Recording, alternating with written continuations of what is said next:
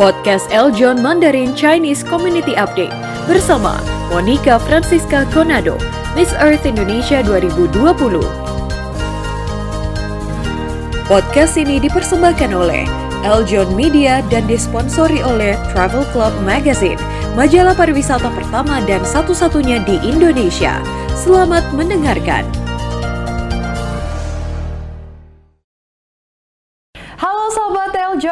Kembali menyaksikan Chinese Community Update. Kali ini bersama saya Monica Konado. Chinese Community Update merupakan program yang menyajikan informasi bagi Anda pemirsa Eljon TV terkait dengan aktivitas dan juga kegiatan dari komunitas Tionghoa dan juga perkumpulan marga Tionghoa. Dan pada episode kali ini di segmen yang pertama kita akan mengawalinya dengan informasi terkait dengan stok darah yang berkurang sehingga digencarkan donor darah di Sukabumi. Salah satunya dilakukan oleh Perhimpunan Indonesia Tionghoa atau INTI Cabang Kota Sukabumi. Berikut informasi selengkapnya. Masa pandemi COVID-19 berdampak pada berkurangnya stok darah di Palang Merah Indonesia termasuk di kota Sukabumi. Kondisi ini disikapi organisasi masyarakat di kota Sukabumi yang menggiatkan acara donor darah. Salah satunya dilakukan Perhimpunan Indonesia Tionghoa atau INTI cabang kota Sukabumi yang menggelar donor darah di Sekretariat INTI di Danalaga Square, kota Sukabumi. Selamat siang semuanya kami hari ini melaksanakan uh, donor darah uh, Ramadan karena ini kegiatan rutin uh, tahunan yang selalu uh, apa organisasi kami Inti Kota Sukabumi untuk backup kekurangan darah di PMI selama bulan Ramadan. Dua bulan yang lalu kita baru mengadakan juga, uh, tapi karena ini memang acara tahunan jadi uh, tetap kami simultan adakan. Nah, sasaran yang terdaftar 150 orang, tapi mungkin hari ini sasarannya lebih uh, apa jumlah pendonornya yang datang lebih dari 150. Yang datang dari mana aja nih? Uh, dari anggota inti sendiri, dari gereja-gereja, dan dari seluruh warga Sukabumi. Oke, dan ada hari ini juga ternyata banyak juga teman-teman muslim juga ikut hadir yang sehat, yang sudah tes tensi sesuai dengan ketentuan DPMI, ternyata mereka uh, diizinkan mereka ikut donor. Dan hari ini juga kami kedatangan anak-anak dari thalassemia dan mereka juga seperti yang selalu dilaporkan, ternyata di Sukabumi ada 200 anak-anak yang selalu membutuhkan dana darah sehingga hari ini kami berbahagia sekali uh, mereka hadir dapat kami melihat langsung. Juga Pak Wali Kota juga hari ini hadir memberikan support kepada kami baik dari PMI maupun PDDI kami uh, konsen tetap akan melakukan donor sesuai dengan uh, target kami dalam setahun minimal tiga kali. Oke, ada yang disampaikan lagi nggak Bu? Atau Bapak? Ya, tentunya kami mengajak kepada masyarakat, kalau uh, masyarakat ada yang tidak bisa donor, tidak-tidaknya mengajak teman-teman lain yang bisa donor, sehingga kebutuhan darah di, di darah di kota Sukabumi dapat terpenuhi dengan baik. Selain itu, organisasi mengajak berbagai komunitas lainnya untuk turut serta dalam aksi sosial kemanusiaan tersebut. Tercatat ada sebanyak 15 komunitas yang mengirimkan perwakilannya antara 5 hingga 10 orang untuk mendonorkan darahnya. Diharapkan dan ditargetkan melalui donor darah ini bisa mengumpulkan sebanyak 100 labu darah. Kegiatan ini mendapatkan dukungan dari Wali Kota Sukabumi Ahmad Fami, PMI Kota Sukabumi, serta sponsor Sinar Mas Utama dan lainnya. Inti atau Perhimpunan Indonesia Tionghoa berharap bisa berbuat ke depannya dalam penyediaan labu darah. Di samping momen ini juga dapat mempererat silaturahmi dengan komunitas dan merangkul semua elemen agar terjalin kebersamaan antar masyarakat. Sahabat Eljon TV kami masih memiliki informasi menarik lainnya, salah satunya informasi menarik yang akan kita saksikan berikut ini. 谁把花蝶写成碑？谁在千年等一回？红尘总有梦，何必问是与非？历经了沧 洒，更懂得无悔。谁把花心化作泪？谁在梦里仍相随？人生这杯酒，怎么喝都是醉。过往的云烟，坦然去面对。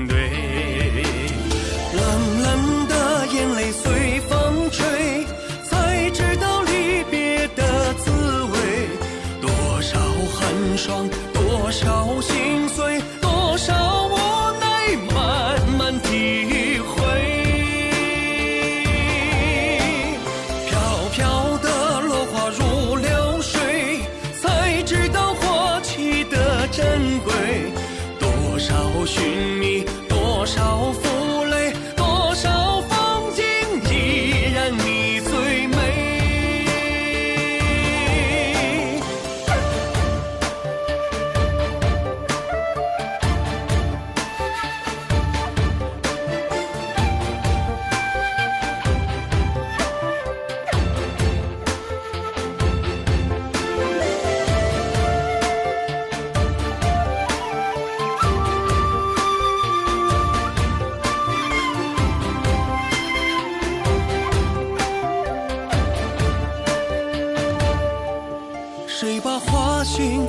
落泪？谁在梦里永相随？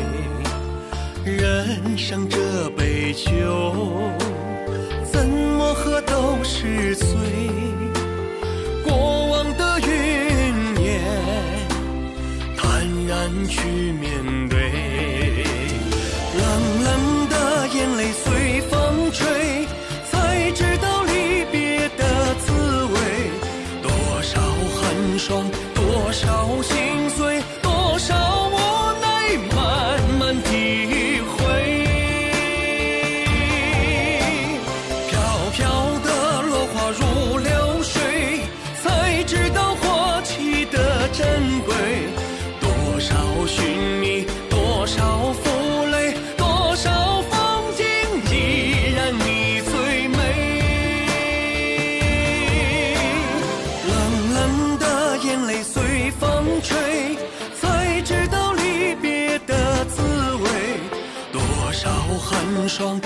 小心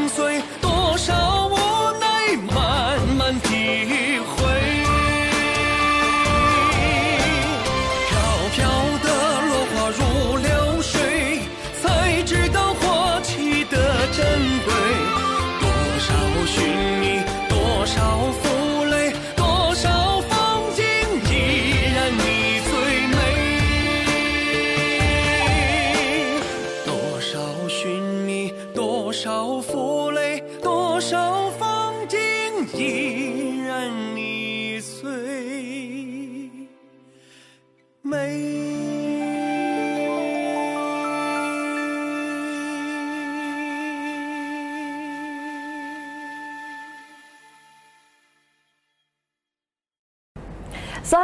Eljon, informasi selanjutnya masih datang dari Perhimpunan Indonesia Tionghoa.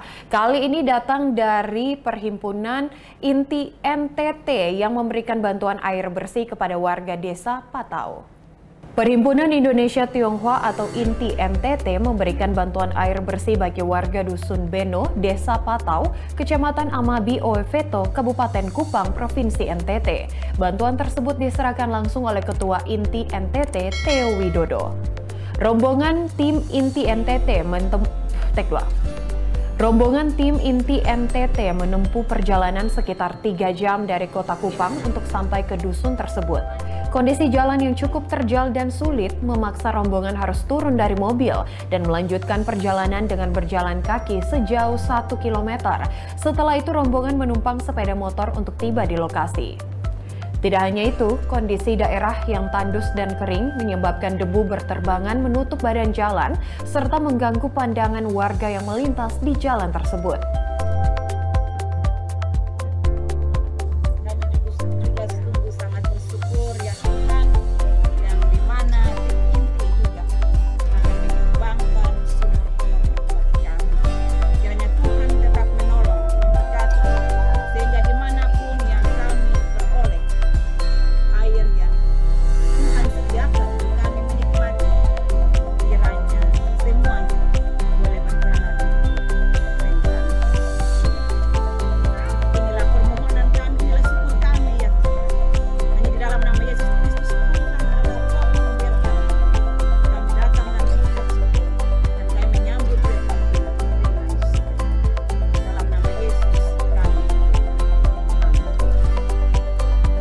Ketika sampai di Dusun 4 Beno, tim inti langsung diserbu warga sekitar yang hampir tidak pernah memperoleh bantuan air bersih.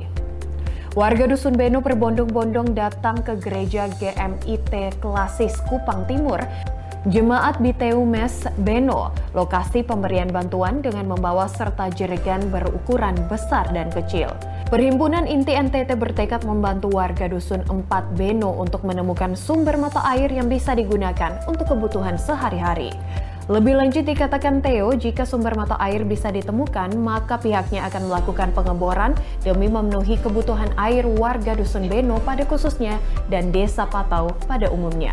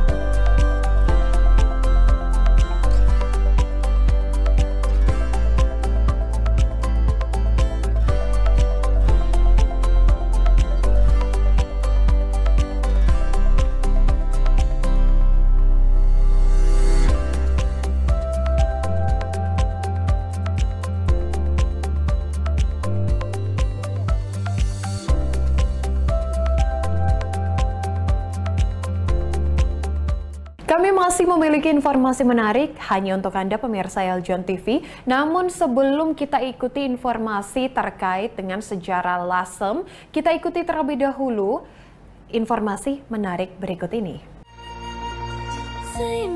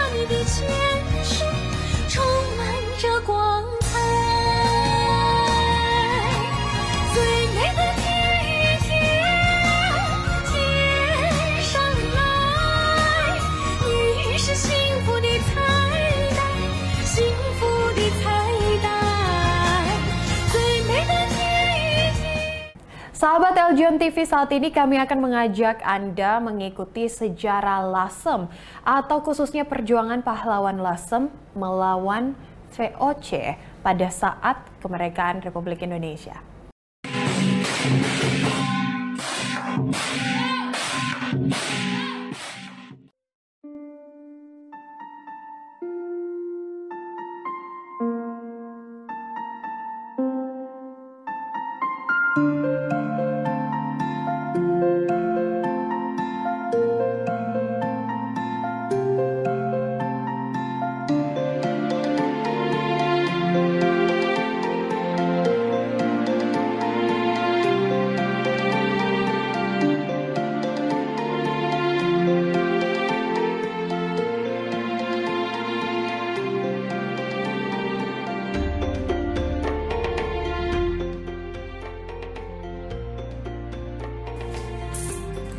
Selamat datang kembali di Lasem.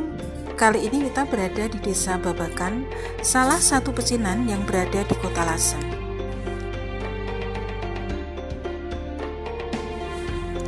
Kelenteng Gyeongbyo dibangun untuk menghormati tiga pahlawan Lasem yang menghadapi VOC pada tahun 1741 sampai 1750, yaitu Tan Kewi, Oi Ingkiat, dan Raden Panji Margono.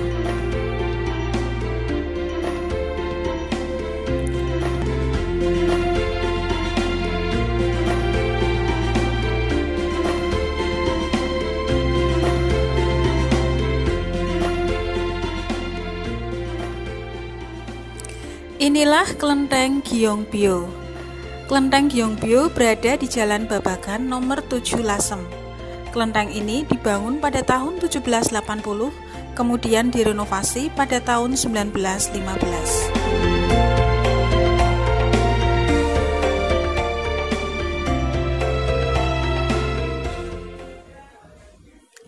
Latar belakang pembangunan kelenteng ini berawal dari geger Pacinan atau Perang Jawa pada tahun 1741 sampai 1743 serta Perang Kuning.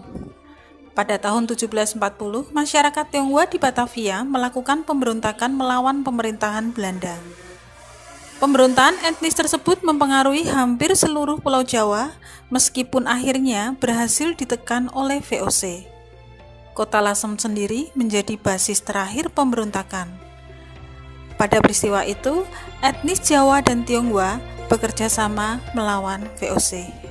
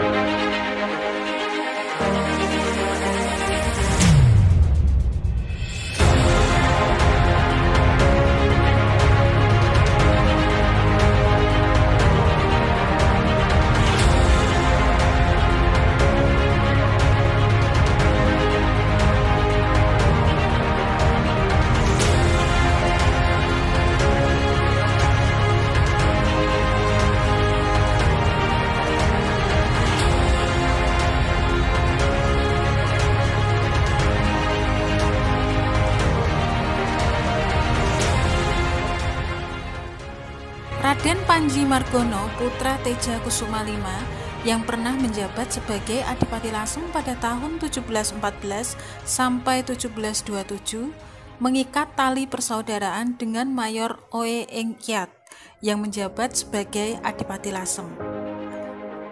Kemudian keduanya juga mengangkat sumpah persaudaraan dengan Tan Kewi, seorang pengusaha serta ahli kungfu di Lasem. Pada saat terjadi pengungsian besar-besaran etnis Tionghoa dari Batavia pada tahun 1741, ketiganya sepakat untuk mengangkat senjata memberontak terhadap VOC.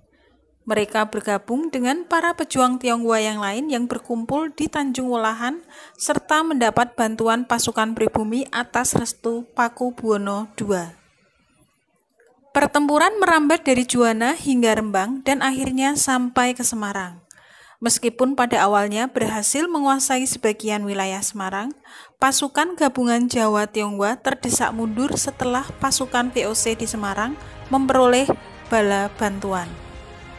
Karena kekalahan tersebut, Paku Buwono II mengalihkan dukungannya kepada VOC, sehingga menyebabkan istananya di Kartasura diserang dan dikuasai oleh pasukan pemberontak. Pada tahun 1742, pasukan yang dipimpin ketiganya kembali menyerang Rembang dan Juwana. Setelah kemenangan di Rembang, pasukan VOC yang sudah mengadakan persiapan berhasil mengalahkan mereka di Juwana. Bahkan pada tanggal 5 November 1742, saat melewati selat antara Ujung Watu dan Pulau Mandalika, armada kapal Tankewi ditembaki oleh meriam sehingga membuatnya gugur bersama pasukan yang ia pimpin. Sisa pasukan melarikan diri kembali ke Lasem setelah datang bala bantuan VOC dari Tuban.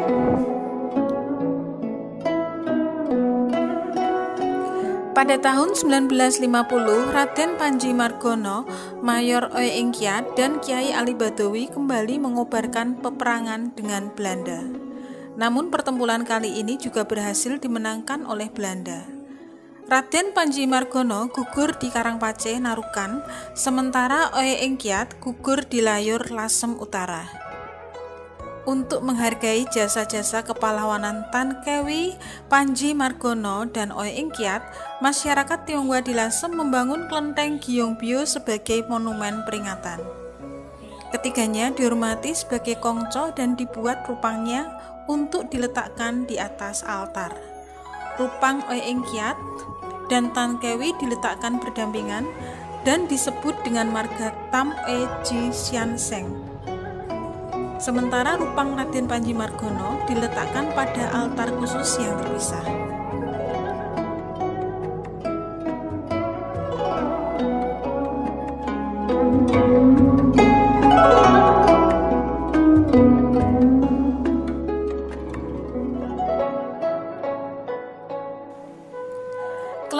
Gyeongbyo memiliki keistimewaan karena dianggap sebagai satu-satunya kelenteng di Indonesia yang memiliki kongco pribumi.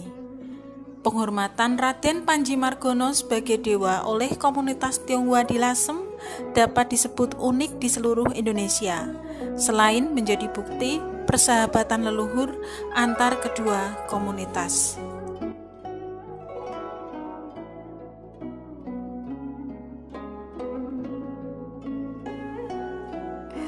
Pemirsa, sampai di sini dulu saya bercerita mengenai perjuangan pahlawan Lasem melawan VOC yang diabadikan menjadi sebuah kelenteng yang dibangun oleh warga Tionghoa di Lasem.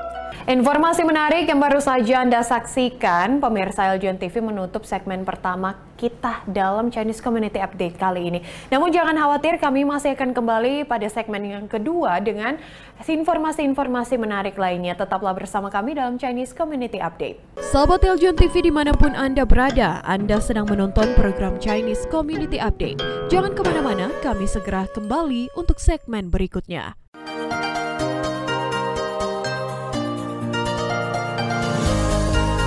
Terima kasih telah mendengarkan podcast Eljon Mandarin Chinese Community Update. Persembahan dari Eljon Media dan disponsori oleh Travel Club Magazine, majalah pariwisata pertama dan satu-satunya di Indonesia. Jangan lupa follow podcast Eljon Mandarin di Spotify.